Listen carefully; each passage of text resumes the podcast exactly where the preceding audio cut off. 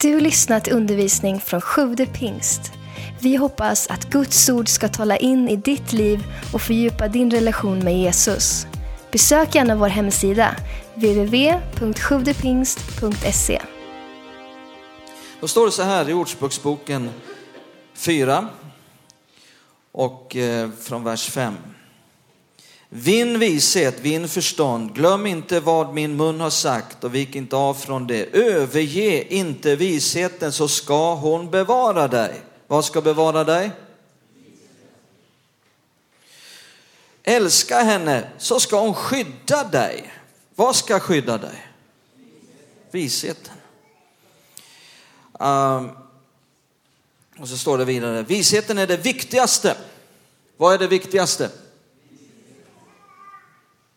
Visheten är det viktigaste. Vinn vishet, vinn förstånd med allt du äger. Håll henne högt så ska hon upphöja dig. Vad ska upphöja dig?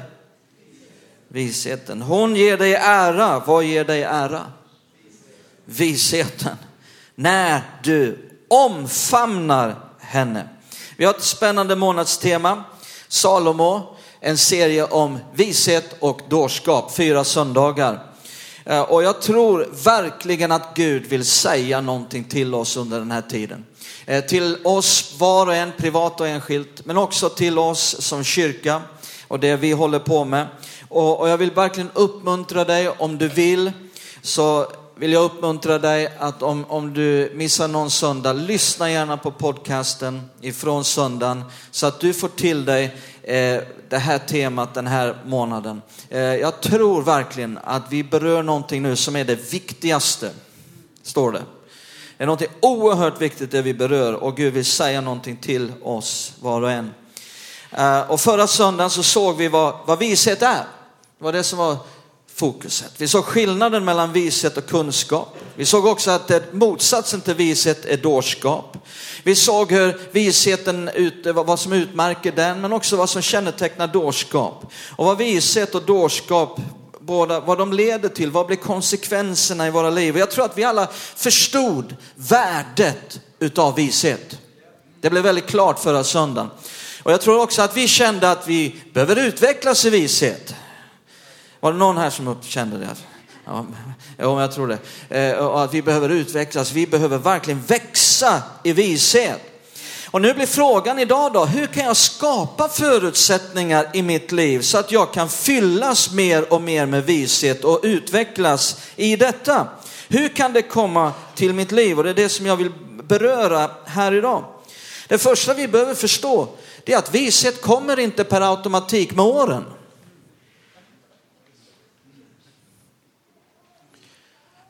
Eh, eh, det är inte nödvändigtvis så att, att erfarenheter leder till vishet. Det är inte många erfarenheter och många år på nacken som nödvändigtvis ger vishet. Eh, vi, vi såg förra söndagen att, att kunskap kan vara en grund för vishet, men ger nödvändigtvis ingen vishet. Du kan vara en dåre och rabbla fakta i det oändliga.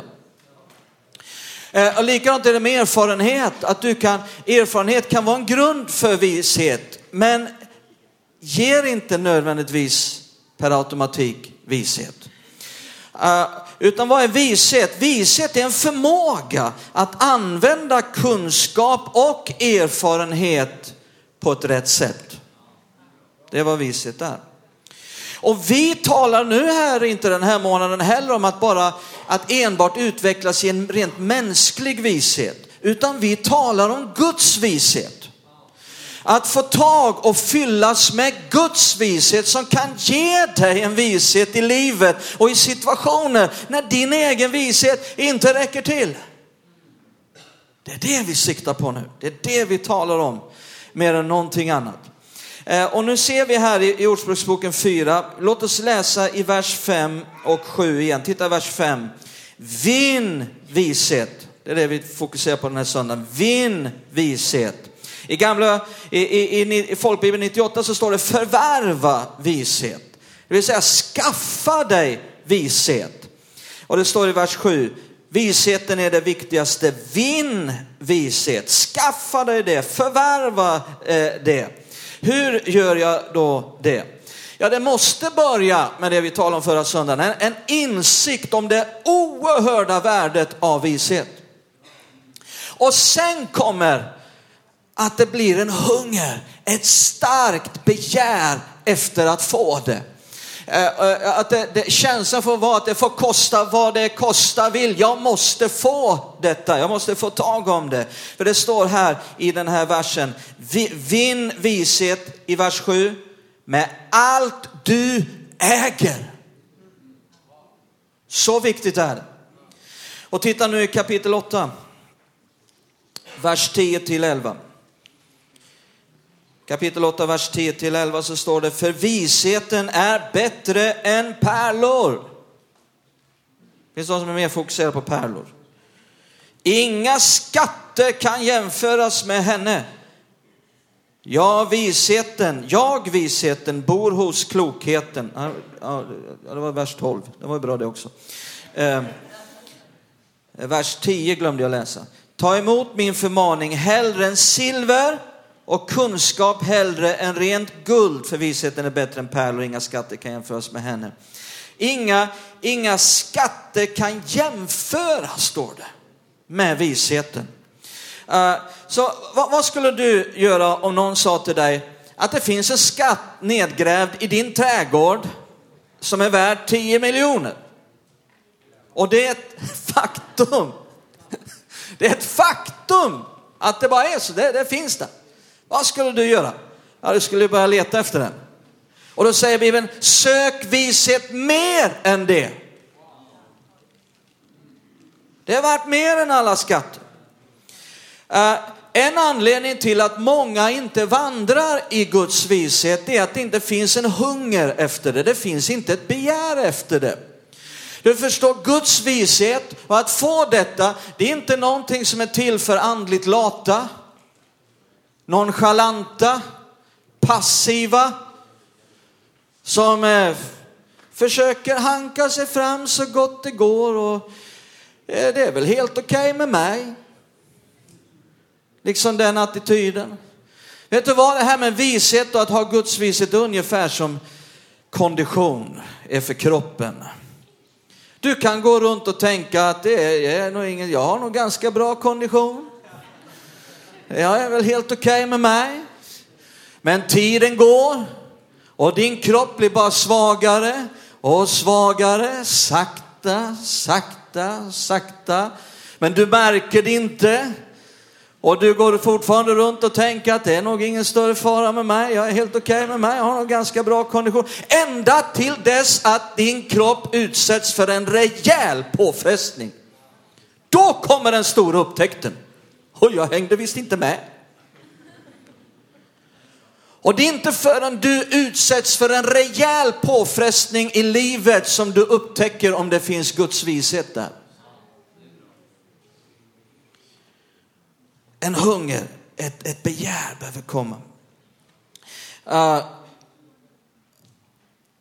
när du känner att Guds vishet är viktigare än en ny bil är viktigare än, än en ny bostad, är viktigare än det där nya jobbet, då är du en kandidat för Guds vishet. Eh, när man då förstår det enorma värdet av Guds vishet som vi har sett och, eh, och det stora behovet av det och då också kommer ett starkt begär och en hunger efter det, då kommer nummer tre, det kan komma ett rop. Och det, är där, det är där jag vill komma nu.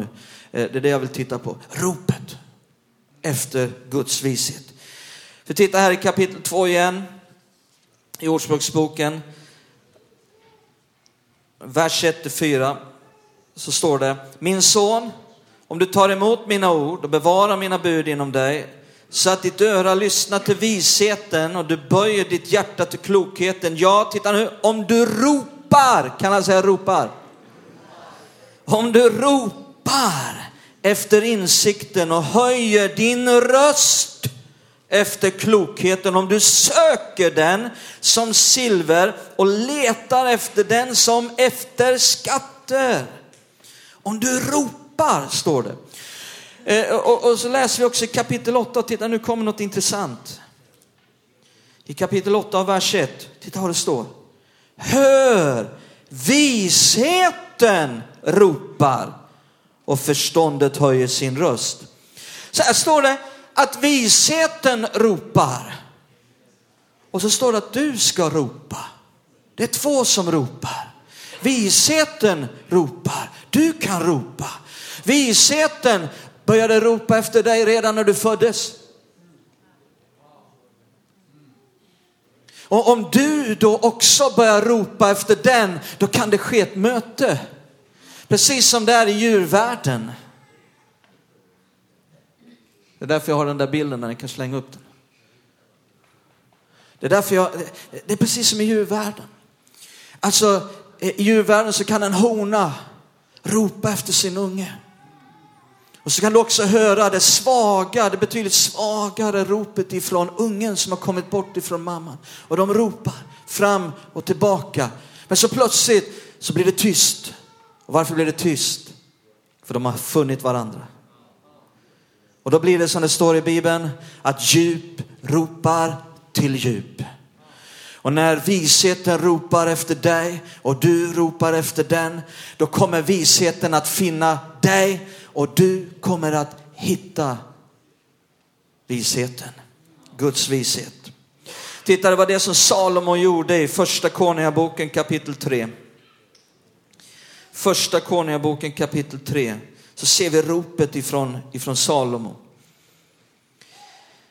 Från vers 7. Från vers 7 så står det, Herre min Gud, nu har du gjort din tjänare till kung efter min far David. Men jag är bara en ung man, jag vet varken ut eller in. Din tjänare är här bland ditt folk som du har utvalt, ett folk så stort och talrikt att det inte kan räknas på grund av sin mängd. Ge din tjänare ett lyhört hjärta så att han kan vara domare för ditt folk och skilja mellan gott och ont. Vem kan annars vara domare för ditt stora folk? Det gladde Herren att Salomo bad om detta. Gud sa till honom, eftersom du har bett om detta och inte bett om långt liv, rikedom eller dina fienders liv, utan om att kunna förstå vad som är rätt. Därför vill jag göra som du önskar och ge dig ett så vist och förståndigt hjärta att ingen som du har funnits före dig och inte heller ska komma efter dig. Eh, dessutom ger jag dig vad du inte har bett om, nämligen både rikedom och ära, så att ingen kung i alla dina dagar ska vara din like. Om du går på mina vägar och håller fast vid mina stadgar och bud, så som din far David gjorde, då ska jag ge dig ett långt liv. Här ser vi en som ropade och då upptäckte han att det fanns redan något som ropade efter honom och det skedde ett möte. Titta också vad Paulus ber i Efesierbrevet kapitel 1. Här ber han för de troende, för de heliga i Efesus. Och titta på hans bön. I Efesierbrevet kapitel 1 och vers 17 så står det, jag ber att vår Herre Jesu Kristi Gud, härlighetens far, ska ge er vishetens och uppenbarelsens ande så att ni får en rätt kunskap om honom. Han bad för de troende att de skulle få en vishetens ande. Han ropade efter det. Och när du börjar ropa efter det, wow, det kommer att hända grejer. När du ber den här bönen över ditt liv, det kommer att hända grejer min vän. Som får påverka hela ditt liv. Titta här i, i vad det står nu i Jakobs brev kapitel 1. Ska vi se hur också Jakob lyfter på detta. Eh, titta, eh, får oss att, att se detta. Jakobs brev 1, vers 5 6. Jakobs brev 1, 5 6. Om någon av er brister i vishet. Eh, är det någon här inne som brister i vishet? Jag, jag känner att jag, jag är inte fullkomlig. Då är det här till oss nu. Det är bäst att vi lyssnar. Sitt nu inte och tänk om bara hon vore här. Eller det är bra att han är här. Om någon av er brister i vishet ska han be till Gud som ger åt alla villigt och utan att kritisera och han ska få. Men han ska be i tro utan att tvivla. Den som tvivlar liknar havets våg som drivs och piskas av vinden. Så när det nu blir en, ett rop, när det nu blir en bön, så vill jag komma till nästa sak. Att be i tro. Att be i tro blir viktigt. Många vet att be i tro är, är viktigt när vi vill ta emot ifrån Gud. När vi vill be till Gud om ekonomisk försörjning, när vi vill be till Gud om dop i helig ande, när vi vill be till Gud om helande, om befrielse. Många förstår att det är viktigt att be i tro. Men det också, blir också väldigt viktigt att be i tro när vi vill be till Gud om vishet. En tronsbön. Är ni med? Inte bara slänga upp liksom, oh, Gud jag behöver lite mer vishet en liksom hela hjärtat, engagerat. Uh, bön i tro, eh, där vi står på Guds löften. Här är ett stort löfte i vers 5. Att Gud ger villigt åt alla utan att kritisera. Han ska få. Han ska få. En bön som står fast på Guds ord. Eh, eh, och, och, och, det blir så viktigt för att vi ska kunna ta emot på ett övernaturligt vis. Tro har väldigt mycket att göra med eh, med vad vi talar om. Vi lever i ett samhälle som är ibland är raka motsatsen till det här löftesrika. Vi lever i ett samhälle som ofta är snabbt med att kritisera, snabbt med att bedöma människor och säga det finns smarta människor, det finns dumma människor och så finns det en hel massa medelmåttiga människor. Eller hur?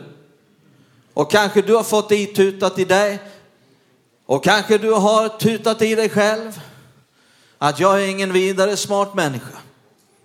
Jag är trögfattad. Och kanske du i åratal har gått runt och tänkt det och sagt det om dig själv. Och vet du vad, det kommer bli ett stort hinder för tro. Det kommer vara ett stort hinder för att ta emot Guds vishet i ditt liv. Uh, istället så behöver, är det dags då att börja säga någonting annat. Börja tro någonting annat. Och istället så precis som vi sjunger i, i sången I am who you say I am.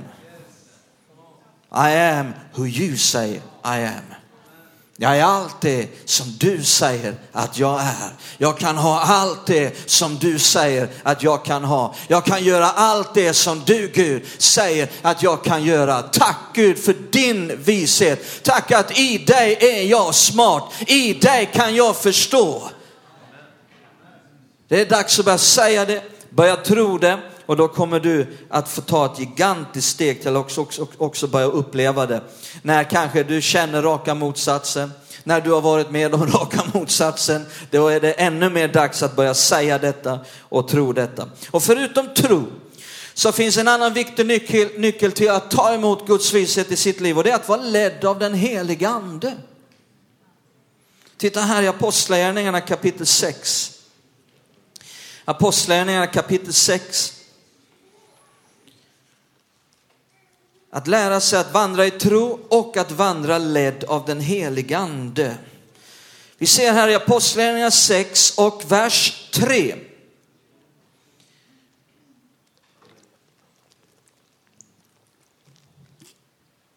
Nej bröder, utse sju män bland er som har gott anseende och är fyllda av ande och vad då?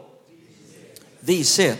Så ger vi dem den uppgiften. I församlingen i Jerusalem så tillsatte man inga ledare som inte var fyllda av ande och vishet.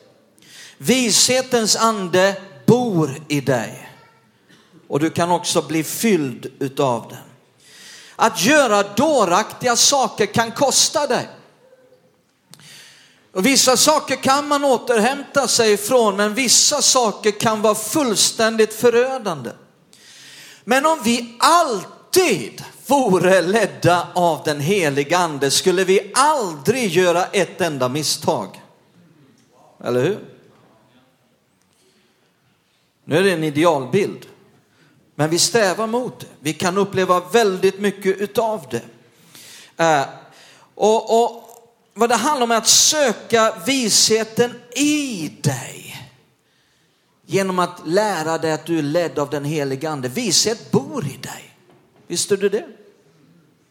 Det är inte någonting där ute som ska komma in. Det är inte någonting där uppe som ska komma ner. Den heliga ande, om du har tagit emot Jesus i ditt liv, då har hans ande tagit sin boning i dig. Och du kan lära dig att bli mer och mer fylld av det, lyssna mer på det. Att det får dominera ditt liv och kontrollera ditt liv lite mer och växa i det mer och mer. Det är det som är det underbara. Så att varje dag vid olika vägskäl så behöver vi ofta stanna upp. Stanna upp och söka visheten inom oss i vår ande.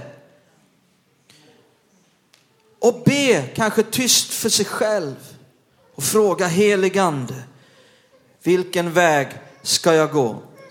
Djävulen, han vill gärna stressa på dig. Stressa dig.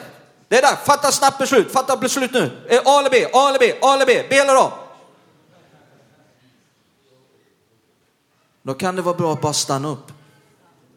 Vet ni vad, de kom till Jesus en gång. Och så sa de, Jesus skynda dig. Lärjungarna kom, skulle stressa på honom. Skynda dig nu, det är fullt med folk här, de har kommit hit och de har massor med behov, du måste komma nu. Nej, sa Jesus. Jag ska gå till, vi ska gå till ett helt annat håll. Och vad lär han oss där? Att inte vara ledd av behov. Vad vist det kan vara att inte vara ledd av behov. Jesus var inte ledd av behov. Han mötte behov. Men han var ledd av Guds ande.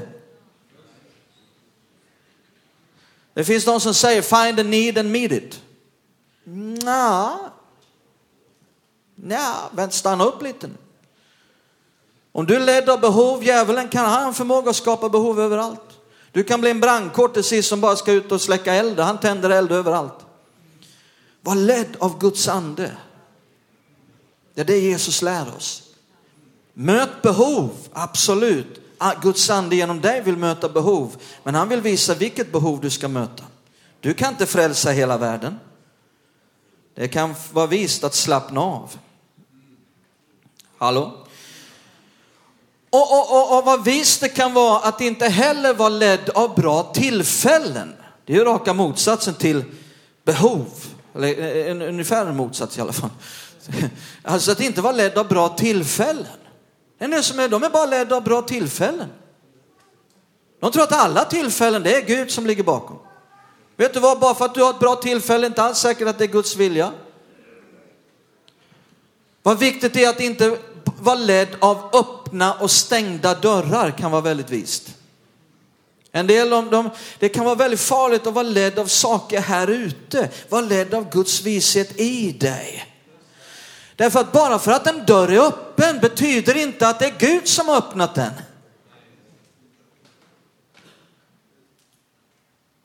Det kan vara en dörr som står på vid. Du har ett gigantiskt tillfälle, du har ett fantastiskt erbjudande. Stanna upp, lyssna.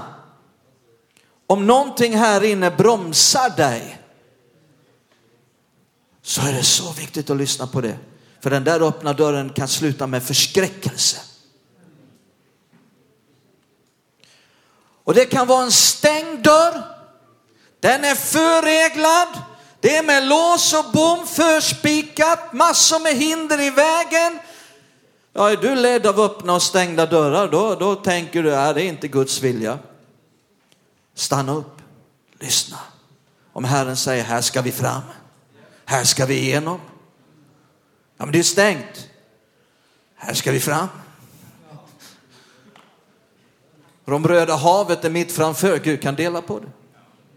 Här är ett stort hav. Här ska vi fram. Han sa till Josua, här är en stor mur här. Här ska vi fram. Halleluja. Lyssna. Stanna upp. Vi kan utvecklas i att mer och mer vara ledda av Guds ande, vishetens ande. Här kommer nu någonting, någonting också viktigt för att vi ska kunna få, vi talar om hur kan vi skapa förutsättningar i våra liv så att vishet kan komma och vi kan växa i det. Titta nu i Ordspråksboken 13 och vers 20. Ordspråksboken 13 och vers 20. Nu kommer en väldigt viktig sak. Vi har talat om att ropa, vi har talat om att hungra, vi har talat om att be tro, att vara ledd av Guds ande. Och nu kommer någonting väldigt, väldigt viktigt för att vishet, Guds vishet ska komma i våra liv. Ordspråksboken 13, vers 20. Den som vandrar med de visa blir vis. Hur blir vi visa? Vandra med visa. Den som umgås med dårar går det illa. Så här kommer nästa punkt. Häng inte med dårar.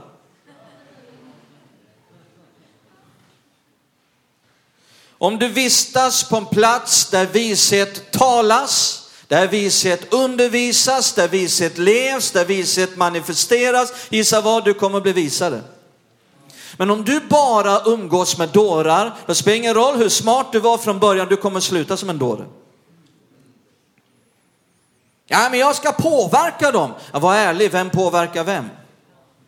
Det här är otroligt viktigt. De som du hänger med kommer att influera dig. Vi behöver se upp också i den här tiden. Vi lever i en väldigt speciell tid. Vi behöver verkligen se upp i den här tiden vad det gäller de här bitarna. Vi lever i en tid med mycket multimedia, med internet, med tv. En del behöver se upp med vad de ser på tv. Vilka tv-serier man tittar på, man behöver se upp. En del de ser på serier som bara spyr ut dårskap. Och, och, och, många vet inte om, många inser inte att när de sitter och tittar på något i timtal så umgås du med den som skrev det. Så är det. Du umgås med den som skrev det. Dårar skriver dårskap och folk tittar på det i timtal. Och undrar varför de har så lite vishet i sina liv. Hallå? Nu vart det tyst här inne. nu vill inte jag skapa en lag här. Är ni med? Nu vill inte jag skapa en lag här som gör dig nervös och tillknäppt och du ska kontrollera alla så ingen tittar på en tv-serie. Är ni med? Nej, vi skapar inga lagar här. Utan vi vill inte, istället för att skapa lagar i den här kyrkan så vi vill, vill, vill vi lära människor att vara ledda av Guds ande. Där finns lagen. Och du är fri att följa den. Och så älskar vi alla, nådefulla mot alla. Men du gör dig själv en väldig tjänst om du lyssnar här inne. Och jag har fått på saker ibland på tvn, tv-serier, filmer och så bara känner jag, och Vicky brukar känna, ibland känner hon för mig. Det här är inte bra. Vi stänger av. Om någonting här inne, eh, men sen har jag också varit med om liksom att, att eh, det, fin det finns någon lag som säger någonting, men anden stör mig inte. Är ni med? Nu skulle jag kunna ta ett helt annat spår, jag känner det. Finns det finns frestelse där. Liksom att, nej, men vi ska inte ta det spåret, lagar som kyrkan har skapat och så vidare. Utan lyssna här. Vad säger Guds ande? Om det finns en varning, följ det. Det är värt mer än alla skatter, alla nya jobb, alla nya bilar, alla nya bostäder. Det är värt mer än allting i ditt liv. Fatta hur viktigt det är att du följer. Varningen här. Stäng av när ingen annan stänger av. Säg, jag vill inte vara med om det här. Jag umgås inte med det här. Punkt slut. Det handlar om att skapa ett skydd för ditt liv. Det handlar om, att, om det vi pratar om. Vad är det som ska skydda dig? Vishet. Första Korintierbrevet 15 och vers 33. Första Korintierbrevet 15 och 33.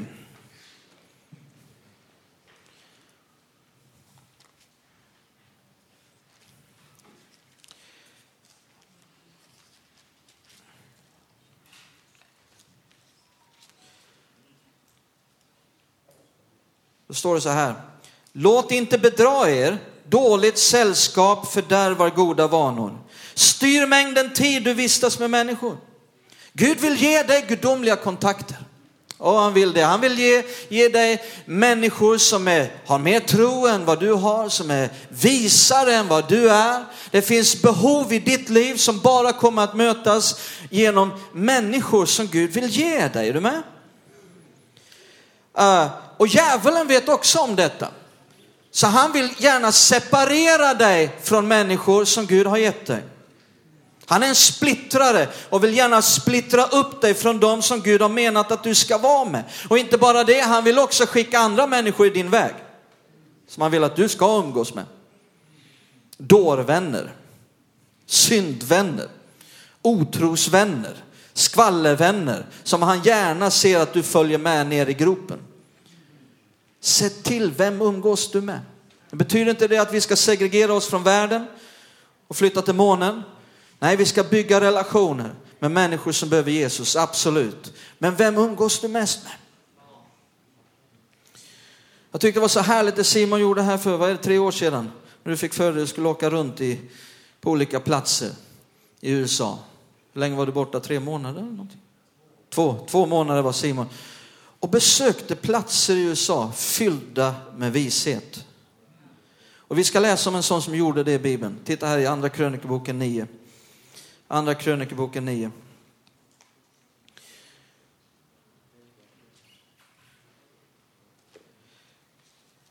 Då står det så här från vers 1. När drottningen av Saba fick höra ryktet om Salomo kom hon till Jerusalem för att sätta honom på prov med svåra frågor. Hon kom med ett mycket stort följe med kameler som bar väldoftande kryddor och guld i stor mängd och dyrbara stenar. När hon kom inför Salomo talade hon med honom om allt som låg på hennes hjärta. Salomo svarade på alla hennes frågor. Ingenting var dolt för Salomo utan han kunde ge henne svar på allt. När drottningen av Saba såg Salomos vishet, titta, när hon såg inte bara hörde, såg Salomos vishet och såg huset han hade byggt, rätterna på hans bord och hur hans tjänare satt där och hur de som betjänade honom skötte sina sysslor och hur de var klädda och hans hovmän och hur de var klädda. Och när hon såg trappan på vilken han gick upp till Herrens hus, då blev hon utom sig av förundran. Hon sa till kungen, så var det då sant, jag mitt land hörde om dina ord och om din vishet. Jag trodde inte vad man sa förrän jag själv kom och fick se det med egna ögon. Men se vidden av din vishet har inte ens det hälften blivit omtalad för mig. Du överträffar det rykte jag hade hört. Lyckliga är dina män och lyckliga är dessa dina tjänare som ständigt får stå inför dig och höra din vishet. De var där och hörde Salomos viset. Välsignad är Herren din Gud som har funnit sådant behag i dig att han har satt dig på sin tron till att vara kung inför Herren din Gud eftersom din Gud älskar Israel och vill hålla det vid makt till evig tid. Därför han satt dig till kung över den för att du ska skipa lag och rätt. Hon gav kungen 120 talenter guld samt väldoftande kryddor i stor mängd samt dyrbara stenar, väldoftande kryddor av det slag som drottningen av Saba gav åt kung Salomo har aldrig funnits. Hon hade hört talas om ryktet om Salomos vishet. Alltså här har vi drottningen av Saba. Hon värderade vishet extremt mycket. Och hon, hon kände, alltså hon, hon skulle kunna ha stannat i Sabaland och levt lyxliv. Hon skulle ha kunnat vara, varit kvar i Sabaland och valt ut en ny diamantring och fått naglarna polerade. Och... Men hon kände, jag har något som jag behöver som är värt långt mer än det lyxlivet. Visshet. Och det gjorde att hon gav sig ut på en lång resa som var svettig, som var dammig, som var tröttsam. 250 mil, min vän, tog hon sig. För att hon kände att hon behövde det till varje pris. Hon ville få vara på den plats som var fylld av vishet. Hon ville få umgås med Salomo, hon ville få hänga med honom. Hon ville utsättas för denna vishet och vad hände när hon kom hem till Sabaland? Allt i Sabaland blev bättre. Hon kunde leda landet bättre. Eh, standarden i Sabaland blev bättre. Hon kunde bygga landet bättre. Hon fick vishet att bygga. Eh, och, och, och, vad var det då för vishet som hon mötte? Titta nu här till sist, det är det vi ska se till sist här. Vad var det för vishet hon mötte? Ja, det var inte främst när vi läser här att Salomo satt där klok som en uggla och rapade ordspråk. Det var inte det hon först och främst såg och mötte. Han kunde tala vishet också, men vad, vad, vad säger Bibeln? Titta nu vad det står i vers 3-5 igen. När drottningen av Saba såg Salomos vishet, inte hörde, såg den och såg huset han hade byggt. Någonting hade byggts. Rätterna på hans bord. Och hur hans tjänare satt. Hur de satt. Det fanns en vishet hur de satt. Och hur de som betjänade honom skötte sina sysslor. Hur de skötte sina sysslor. Hur de var klädda hans hovmän och hur de var klädda. Och när hon såg trappan på vilken han gick upp till Herrens hus, då blev hon utom sig av förundran och hon sa till kungen, så var det då sant jag i mitt land hörde om det, dina ord och om din vishet. Alltså visheten tog sig praktiska uttryck. Alltså det handlade om en vishet som handlade om en skicklighet. Vi talade om det förra, förra söndagen. Vishet är skicklighet. Hon såg en skicklighet i allt de gjorde. Det var inte bara Salomo som hade vishet. Nej, hela den här platsen, hela det här sammanhanget var fyllt av vishet. All, också alla hans ledare, alla hans medledare, alla hans tjänare var också fyllda med denna vishet. Det handlade om en skicklighet i allt de gjorde. Hur de skötte sina sysslor. Hur de lagar mat. Rätterna. Wow, vilken vishet i att göra mat. Hur de satt. Eh, Eh, och, och, det gjorde att hon blev, det står, hon blev utom sig av förundran. Hon fick en wow-känsla. Wow! Och vi talar mycket här om att bygga kyrka. Och vet du vad? Gud vill ge oss vishet att bygga kyrka. Eh, du vet enbart att ha det gott ställt och ha många resurser gör inte att det blir bra. Att det blir snyggt att det blir skickligt gjort.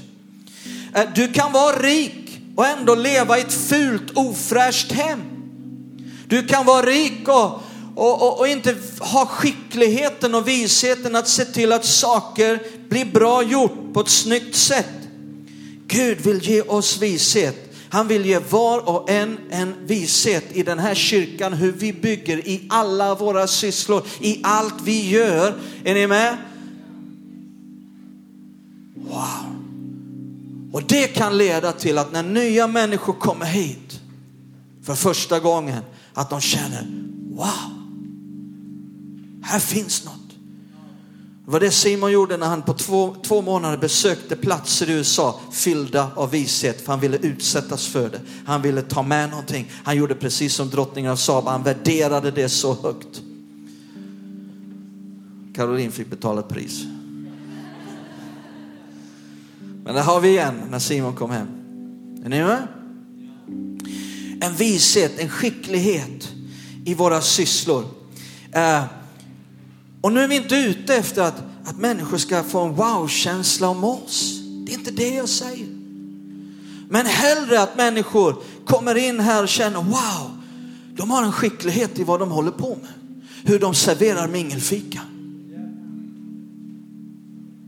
Det är skickligt gjort hur de bemöter människor, deras värdskap. Thomas berättar för mig hur han har besökt olika kyrkor så kom han hit. Han kände, wow, här är någonting. Här, här känner jag mig hemma, här trivs jag. Här finns så många olika slags människor och alla känner sig hemma. Alla blir generöst bemötta. Det finns någonting här, en vishet. kan vi växa mer? Oh, vi kan växa mycket mer. Vi har precis börjat. Vi har precis börjat. Gud vill ge oss så mycket mer. Vi anar inte hur mycket han vill ge. Eh, en skicklighet. Jag har hellre att människor kommer hit och känner så, wow. Hellre att människor till och med reser 250 mil eller 50 mil för att komma hit och utsättas för någonting som är positivt, som de kan bära med sig hem dit de kommer ifrån. Än att människor kommer hit och känner, Uh, här, här, vill, här, jag vill inte gå hit igen. Usch. Vad sunkigt det var. Usch, vilket gäng dårar. Är ni med? Guds vishet. Ska vi stå upp tillsammans? Fader, vi tackar dig. Och vi ber till dig ödmjukt Fader, vi, vi har inte den vishet som krävs. Fader, vi har inte det som krävs i oss själva. Vi, har, vi räcker inte till. Jag räcker inte till Fader. Men du räcker till. Fader, vi behöver dig. Gud, vi behöver din vishet. För varje dag, för varje vecka, hela tiden. Fyll oss med vishetsande. Fyll vår kyrka med vishetsande.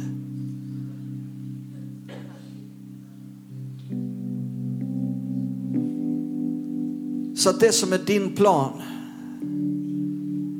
det som är din ritning, det som är din tanke för vår framtid kan utföras, kan ske, kan fullbordas. Så att de människor som inte känner dig än, men som du vill leda från död till liv, kan få ett förvandlat liv och hitta ett hem där man kan växa i gemenskap med dig. Där man kan ta emot det som du vill ge. Så att vi kan ha en församling som du bygger. Jesus, som blir på det sätt som du vill ha det. Vi ber om en vishet. Jag ber om en, en vishet för var och ens liv. Våra egna privata personliga liv. Du ser vad var och en står i. Du ser vad var och en lever i. Du ser vad det är för vishet som var och en behöver. Vi ber att det får vara en plats där man tar emot vishet, där man växer i vishet. Så att inte misstag sker i stor omfattning. Så att inte misslyckanden sker regelbundet.